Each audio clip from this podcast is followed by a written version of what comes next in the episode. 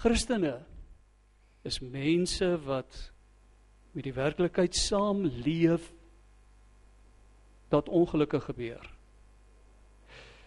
Dat 'n mens siek word, soms ernstig of selfs kronies siek word. Ook in ons lewe is daar verhoudings wat opbreek, soms gesinne wat stukkend skeur en 'n mens leef met die seer daarvan saam. Christene verloor ook hulle werk. Soms speel hulle besighede ook bankrot. Ja. Ook in hulle huise is daar mense wat doodgaan. Wat beteken ek en jy het 'n goeie kans om een of ander tyd slagoffer te word van iets wat ons nie wou hê nie. Iets wat ons nie self sou kies nie. Maar wat nogtans gebeur. Hoe verklaar 'n mens dit? Wat doen jy met jou geloof as hierdie dinge met jou gebeur? Een manier is om vir mekaar te sê as sulke tye aanbreek, jy moet onthou God is in beheer. En hy gebruik alles wat in jou lewe gebeur vir sy doel. As jy hom getrou dien, dan sal hy jou seën. Hy sal vir jou net die mooiste gee. Die implikasie daarvan is nou dat dit nou nie goed gaan nie, moet 'n mens vra wat het ek verkeerd gedoen? Here, waar het ek u teleurgestel? Waar het ek gesondig? As een van ons ernstig siek word, dan sê ons die Here besoek jou in sy genade. Hy wil jou red van hierdie siekte, hy wil jou gesond maak. Maar hy wil jou ook red van kwaad wat dalk daar wat dalk in jou lewe is of hy wil jou na 'n volgende vlak van ontwikkeling in jou geestelike lewe lei of hy wil homself op 'n ander manier aan jou openbaar of jou in 'n nuwe bediening inlei. Ons soek na redes omdat ons gelowige mense is. En as 'n kind baie siek word, as jou kind baie siek word of jou kleinkind, dan dan dan hoor jy die Here is besig om julle familie te vorm. Maar onthou hy's in volle beheer. God laat alles ten goeie meewerk. Ons het 'n teks ook daarvoor, is natuurlik Romeine 8 vers 28. En dan gaan die kind dood. Dan stel dit uitdagings aan 'n mens. Die sommetjie hoekom dinge in ons lewe gebeur. As gelowiges sê ons, hoekom die Here dinge in ons lewe toelaat, daardie sommetjie tel partykeer nie op nie. Hy werk partykeer nie. Ek het my sonde bely, maar die siekte het nie gewyk nie. Ek het onderhandel met God en ek het my kant nagekom om my kind te dood gegaan of ek het my werk verloor. Ek het hom met oorgawe gedien. Ek het hom vertrou vir genesing of vir uitkoms. Ek het daarop gestaan dat die Here in sy woord beloof het om dit te doen. En nou dit nie gebeur nie. Nou sê een van twee goed wat met gelowiges kan gebeur. En die eerste een het ek so langs die pad al met heelwat mense gepraat wat daardie weg gekies het. Hulle skepties geraak oor hulle geloof in God. Hulle het vir hulle self gesê, weet jy wat? Hierdie speletjie werk nie uit nie. Ek weet nie of 'n mens God kan vertrou nie. Ek weet party daar nie eers of hy daar is nie. Maar as hy daar is, weet ek nie of hy regtig in my lewe soveel belangstel dat hy besig is om 'n plan te ontvou in my lewe soos wat die gelowiges my aangemoedig het nie. Maar ek wil vanoggend sê daar's 'n ander pad wat 'n mens ook kan kies. En ek praat vanoggend nie met alle mense nie want ek dink nie almal het al by daardie plek gekom nie. Maar daar's ook die pad waar 'n mens sê ek verstaan nie hoekom dit gebeur nie. Ek weet nie hoekom die Here dit in my lewe toelaat nie. Hy sê ook nie vir my nie. Ek verstaan nie hoekom nie. Maar ek vertrou hom nogtans. Ek vertrou hom nogtans. Dis 'n pad. Wel ek nou vanoggend probeer voorstel wat 'n hele paar mense in die Bybel gebruik het. Ek gaan nou nie na soveel van hulle verwys nie want ons wil hom nou nie middagete nog hier sit nie. Maar kyk gou-gou na die eerste een. Abraham en Sarai sit in hulle eie land, pragtige stad Ur van die Galdeërs wat langs 'n baie groot rivier gebou is. En hier kom die Here by hulle en sê verkoop pak op en trek na 'n ver land waarvan jy niks weet nie. Want daar was nou nog nie heeltemal globalisering daardie tyd nie. So hy het geweet na die kant toe bly sulke mense, maar hy het nie regtig mooi geweet wat die omstandighede daar is nie. Hy doen wat die Here hom beloof. Nou as hy daar aankom, dan sê die Here vir hom, dis nou een aand, gaan bietjie buitekant toe, kyk op. Hoeveel sterre sien jy? Soveel sal jou nageslag wees. Wanneer Abraham die dag doodgaan, dan besit hy van hierdie land wat die Here gesê het, gaan na daardie land toe ek gee dit vir jou, besit hy 'n graf wat hy ten duurste by 'n skelm ou gekoop het. En hy het twee kinders wat ook nie baie van mekaar hou nie. Dis al. Abraham het gereageer op beloftes wat nie gerealiseer het nie. Kyk gou saam met my. Hebreërs skrywer verwys na hierdie situasie. Hy sê in die 8ste vers, ons gaan net nou maar terugkom na die eerste vers want dis die sleutel tot wat hier gebeur. Maar die 8ste vers, omdat hy geglo het Abraham toe God hom geroep het, gehoorsaam weggetrek na die land wat God vir hom as 'n erfdeel sou gee. Hy het weggetrek sonder om te weet waar hy sou beland. Kyk, dit was 'n man wat nie geskrik het vir risiko's nie. As hy 'n besigheidsman was, was hy 3 keer bankrot voor hy bo uitgekom het. Hy het weggetrek sonder om te weet waar hy sou beland. Omdat hy geglo het, het hy die beloofde land gaan woon, 'n vreemdeling in 'n vreemde land en hy het hom heel pad laat voel jy en jou gesin is vreemdelinge hier by ons. Hy het daar in tente gewoon, so ook Isak en Jakob aan wie God dieselfde belofte gemaak het. Dis hoe die belofte hierdie land is julle eiendom. Ek gee dit vir julle. Vers 10 en dis die belangrike vers. Abraham kon dit doen omdat hy uitgesien het na die stad met stewige fondamente wat God self ontwerp en gebou het. Het hy daardie stad gesien? Nee. Jy sien, dis waar ons probleem dalk inkom. Westerse mense verbruikersmentaliteit. Wat ek wil hê koop ek. En as hy laat 2 dae vat om dit af te lewer, is ek smoor kwaad vir hulle. Ek wil dit soos in gister al gehad het. Dit wat gebeur moet baie vinnig gebeur. Want ek kan nie wag daarvoor nie. En nou doen die Here iets in my lewe. Hy verduidelik nie hoekom hy dit doen nie. Ek vertrou hom dat hy dit die situasie, die omstandighede gaan verander. En dit verander nie, dit verander nooit. Uiteindelik gaan ek dalk met hierdie siekte dood. Abraham kon dit doen omdat hy nie gehoop het op wat hierdie wêreld hom kon bied nie.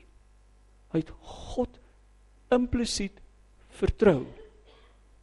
Al het hy nie gesien nie.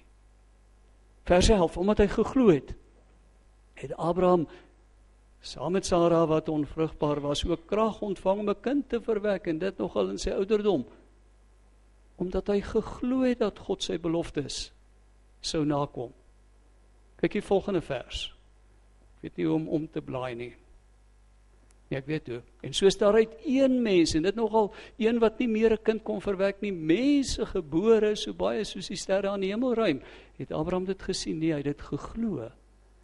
Hy het dit in sy geestesoog gesien want die Here het dit vir hom beloof en so ontelbaar soos die sandkorrels op die strand. Vers 13 terwyl hulle nog steeds geglo het, het hulle almal gesterf sonder om die vervulling van God se beloftes te beleef. Hulle het dit egter in die verte gesien en juigend begroet en erken dat hulle hier net vreemdelinge en bywoners is. Ons vertrou die Here vir uitkoms in die politieke en ekonomiese krisis waarin Suid-Afrika hom bevind. Want staatskaping en korrupsie en talle ander faktore ons laat beland het en 'n resessie veroorsaak het. Ons vertrou hom. Hier in my agterkop hoor ek die Christene in Zimbabwe het hom ook vertrou. En dit het nog veel slegter gegaan. Wat sal ons moed gee om in geloof te volhard as dit wat ons glo nie realiseer nie? Die feit dat ons onthou hierdie is nie ons huis nie. Ons bly in tente. Ons gaan maar net hier verby. Ons is die vreemdelinge in 'n land wat die Here vir ons beloof het. Ons besit nie eers grond om ons lewensmaat te begrawe die dag as sy doodgaan nie. Ons moet dit gaan koop. Ons is bywoners. Ons hoort nie eintlik hier nie. Ons loop met ons kop en ons hart in die wolke. Want dit is by die Here waar ons hy lê. Kind van God. Kom ons vertrou die Here. Maar kom ons waak daarteen dat en dis so 'n aanhalingstekens as ek so wys, as die Here nie doen wat hy gesê het nie, ek moet verloor. Want weet jy wat? Daar's talle beloftes in die Bybel. Ek onthou dat dat die eienaar van Koem op 'n geleentheid gesê het, stel 'n boek saam met beloftes in die Bybel. En op die ou end het dit 'n dik boek geword. Maar daar's baie beloftes. Elkeen van daardie beloftes is waar want die Here het dit gesê. Maar elkeen van daardie beloftes is nie vir my en vir jou waar nie, behalwe as die Here dit deur sy gees aan jou bevestig. Dis wat hy gaan doen. Dit gebeur soms dat 'n mens vir iemand bid wat siek is. En jy weet, jy weet, jy weet. Arnold Roberts het gesê, you know because you know because you know God has healed this person. Jy weet dit. 'n ander keer en dan gebeur dit. Gebeur dit. 'n ander keer dan bid jy en jy het geloof En soms gebeur daar iets. Maar soms gebeur daar ook niks en die persoon bly siek of gaan later dood. God het soms 'n persoonlike woord uit vir Abraham iets persoonlik gesê, maar selfs dit het nie gebeur nie. Abraham het aanhou glo. Vers 14 mense wat so praat, gee duidelik daarmee duidelik te kenne dat hulle op soek is na hulle eintlike vaderland. Ons is op pad. Daarom sorg ons dat ons nie ons wortels baie diep in skiet in hierdie wêreld nie. As jy 'n student is, dan gaan bly jy in die koshuis. Jy bou nie jou lewe in die koshuis nie want jy weet. Oktober maand, vroeg November pak ons op, ons gaan terug plaas toe of terug huis toe. Volgende jaar dieselfde storie en dan 1 jaar kom ons nie weer terug nie. As hulle daardie land bedoel het waarvandaan hulle geëmigreer het, sou hulle kans kry om weer terug te trek. Ek wonder of Abraham nie baie daar vir homself gesê het, "Was jy gedrink gewees toe jy jou goed opgepak het? Wat doen jy hier? Hoekom gaan jy nie terug na jou eie mense en jou eie familie nie?" Hulle het iets beter verwag. Wag, daar's nog, daar's nog. Dis nog nie die einde nie, maar nou staan die saak anders. Hulle hinker na 'n beter vaderland, naamlik die een in die hemel. Christene leef vir die hemel. Want die hemel is waar God is. En hulle hart is op God ingestel. Vers 16b sê dis waarom God daarop trots is. Het jy geweet? Hy's trots daarop om as jou God bekend te staan. Hy het immers vir hulle stad voorberei omdat hulle omdat hy geglo het het Abraham toe God hom wou toets ook sy seun as ware al klaar geoffer gehad. Ja. Hy wou sy enigste kind offer, die man wat God se beloftes ontvang het, groot nageslag, hier sy enigste kind. En hy sê Here, ek gee hom vir U. As hierdie kind wil hê, vat hom. Maar wie gesê is Isak is die seun met wie jou nageslag gebore sal word. Hy het daarop gereken dat God sy kind selfs uit die dood sou kon opwek. As God sê, doen dit, Here dan dan gee ek dit. U weet wat u doen. En in 'n sekere sin het hy hom ook uit die dood terug ontvang. Wat 'n kosbare verhaaltjie, maar dit word ook gereflekteer in die lewe van Job. Jy onthou dat Job alles wat hy het verloor, selfs sy gesondheid. Of wat oorbly is sy vrou wat vir hom sê man, as ek jy is vloek ek God en ek hoop hy slaan my met 'n weerligstraal dood. Want is jou moeilikheid uiteindelik verby. Jy's 'n ongeluksvoël.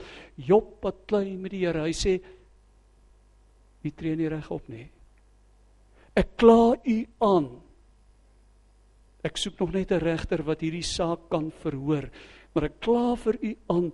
U behandel my onregverdig.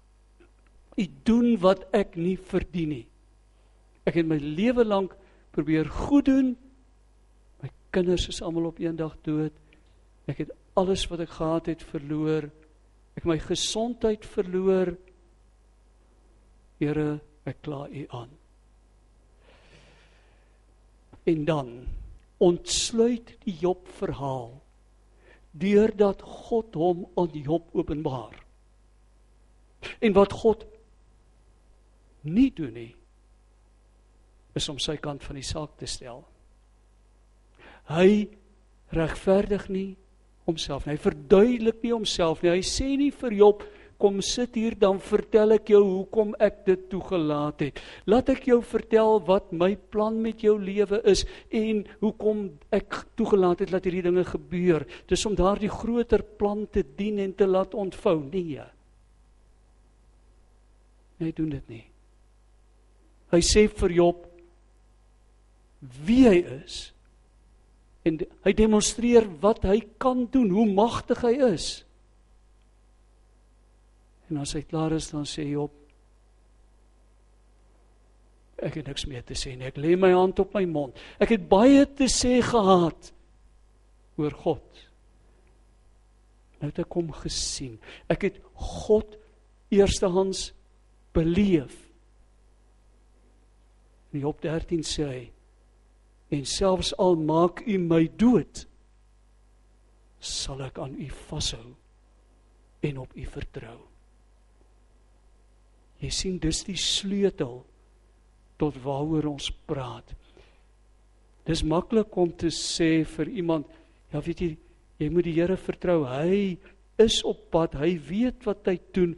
Hy laat alles ten goeie meewerk. Maar as jy in daardie omstandighede is waar dit jou kind of jou lewensmaat is wat sterf of jou huwelik wat vou of jou besigheid wat bankrot gaan. Daar's al net een iets wat jou geloof sal deurdra. En dit is 'n eerstaanse persoonlike ervaring van God se teenwoordigheid. Dis eers as jy hom sien en beleef en ervaar dat jy sal sê wat maak hierdie dinge saak? God leef en ek is saam met my geliefdes op pad na hom toe. Ek het by geleentheid trouens ek het by meer as een geleentheid gehoor, maar ek onthou die laaste keer wat ek by 'n vrou se sterfbed gestaan het. En nadat sy dood is, het haar man gesê: "Ek gaan eendag vir die Here vra hoekom." Weet jy, in my hart het ek gedink: Die dag as jy en jou vrou voor God staan, gaan dit die laaste ding wees waaraan jy dink. Jy gaan God sien en jy gaan op jou aangesig voor hom lê en hom aanbid. So groot is hy. Broer en suster, ons leef in 'n wêreld waar ons gekonfronteer word met stikkindheid, onreg, boosheid. Ek en jy is dikwels slagoffer daarvan. Is jy bereid om dan te sê Here ek volg u waar u my ook al lei ongeag die prys en selfs al verstaan ek nie hoekom nie is jy bereid om te sê al loop my pad deur die dood hou ek aan u vas want ek vertrou u. Ek vertrou u nie om vir my te verduidelik wat u doen nie, want en dit is belangrik om te onthou, sou God die moeite doen om te verduidelik, dink ek is daar 'n ongelooflike kans dat ek en jy nie sal verstaan wat hy sê nie. Trouwens ek dink ons gaan nie snap wat God is, wie God is nie. Hy val so totaal buite ons verwysingsraamwerk dat die skok van ons lewe gaan wees die dag as ons die Here sien. Hy gaan soveel anders, die woordjie heilig wat so baie keer in die Ou Testament gebruik word beteken totaal gans en al anders as wat ons ooit kan dink. Hy gaan so anders wees dat ons ons asem weggeslaan gaan kry deur hierdie ervaring van God se teenwoordigheid. Maar Here, terselfdertyd vertrou ek dat U sal doen wat U beloof het dat U my en my mense veilig tot in U teenwoordigheid sal dra want en ek bou my vertroue daarop want U het aan die kruis U liefde vir eens en vir altyd gewys. Ek weet ek kan op u staat maak. Ek vertrou u, Here, nie om hemel op aarde vir my te laat aanbreek nie. Ek is dankbaar as ek goeie omstandighede kan beleef uit u hand, maar om my veilig deur te dra tot by die hemel wat op die nuwe aarde gaan neerdal wanneer u tussen ons mense kom woon. Ek het 'n vriend wat 'n teorie het. Eendag op huisbesoek het ons by mense besoek. En toe ons so half swaarmoedig weg ry daar. Want kyk dis 'n dis 'n moeilike tannie wat daar gebly het. Toe sê hy, "Het jy al opgelet? Daar's mense wat hulle lewensmaat by engel en jy moet bietjie kyk. Hulle is baie hard besig om hulle lewensmaats en engele te verander. Hulle bring al die beproewinge van die lewe op hulle pad. Dit het nogal daai aand gewerk. Nou weet jy wat 2 Petrus 1 vers 3 as Petrus sy tweede brief begin, dan herinner hy sy gehoor. Hy sê sy goddelike krag. Wag, hy's hier op die bord. Het ons alles geskenk wat ons nodig het. Alles wat ons wil hê. Nee. Nee. Nee, as hy vir ons alles gee wat ons wil hê, dan maak hy van ons kinders wat bedorwe is. En waarmee jy niks anders kan doen as om met hulle ore te ploeg nie. Hy gee ons wat ons nodig het om te lewe en om hom te dien. Weet jy, ek dink Ons moet onsself so eenmal 'n kwartaal 'n guns doen. En so 'n bietjie deur hierdie black settlements en en plakkerskampe gaan ry sodat ek kan terugkom en sê Here wat u vir my gee om mee te lewe is selfs baie meer as wat ek nodig het. U is ongelooflik goed vir my. Ek is tevrede want U het vir my kos en klere gegee en Jesus Christus en nog 'n klomp ander mooi dinge wat ek nie regtig nodig het nie, maar waarmee U my bederf. Maar luister mooi, dis nie al nie wat ek nodig het om te lewe en om hom te dien gee hy vir my.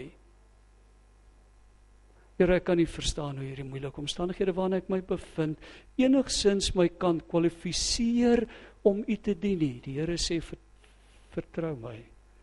Ek weet hoekom ek lyding jou pad langs bring.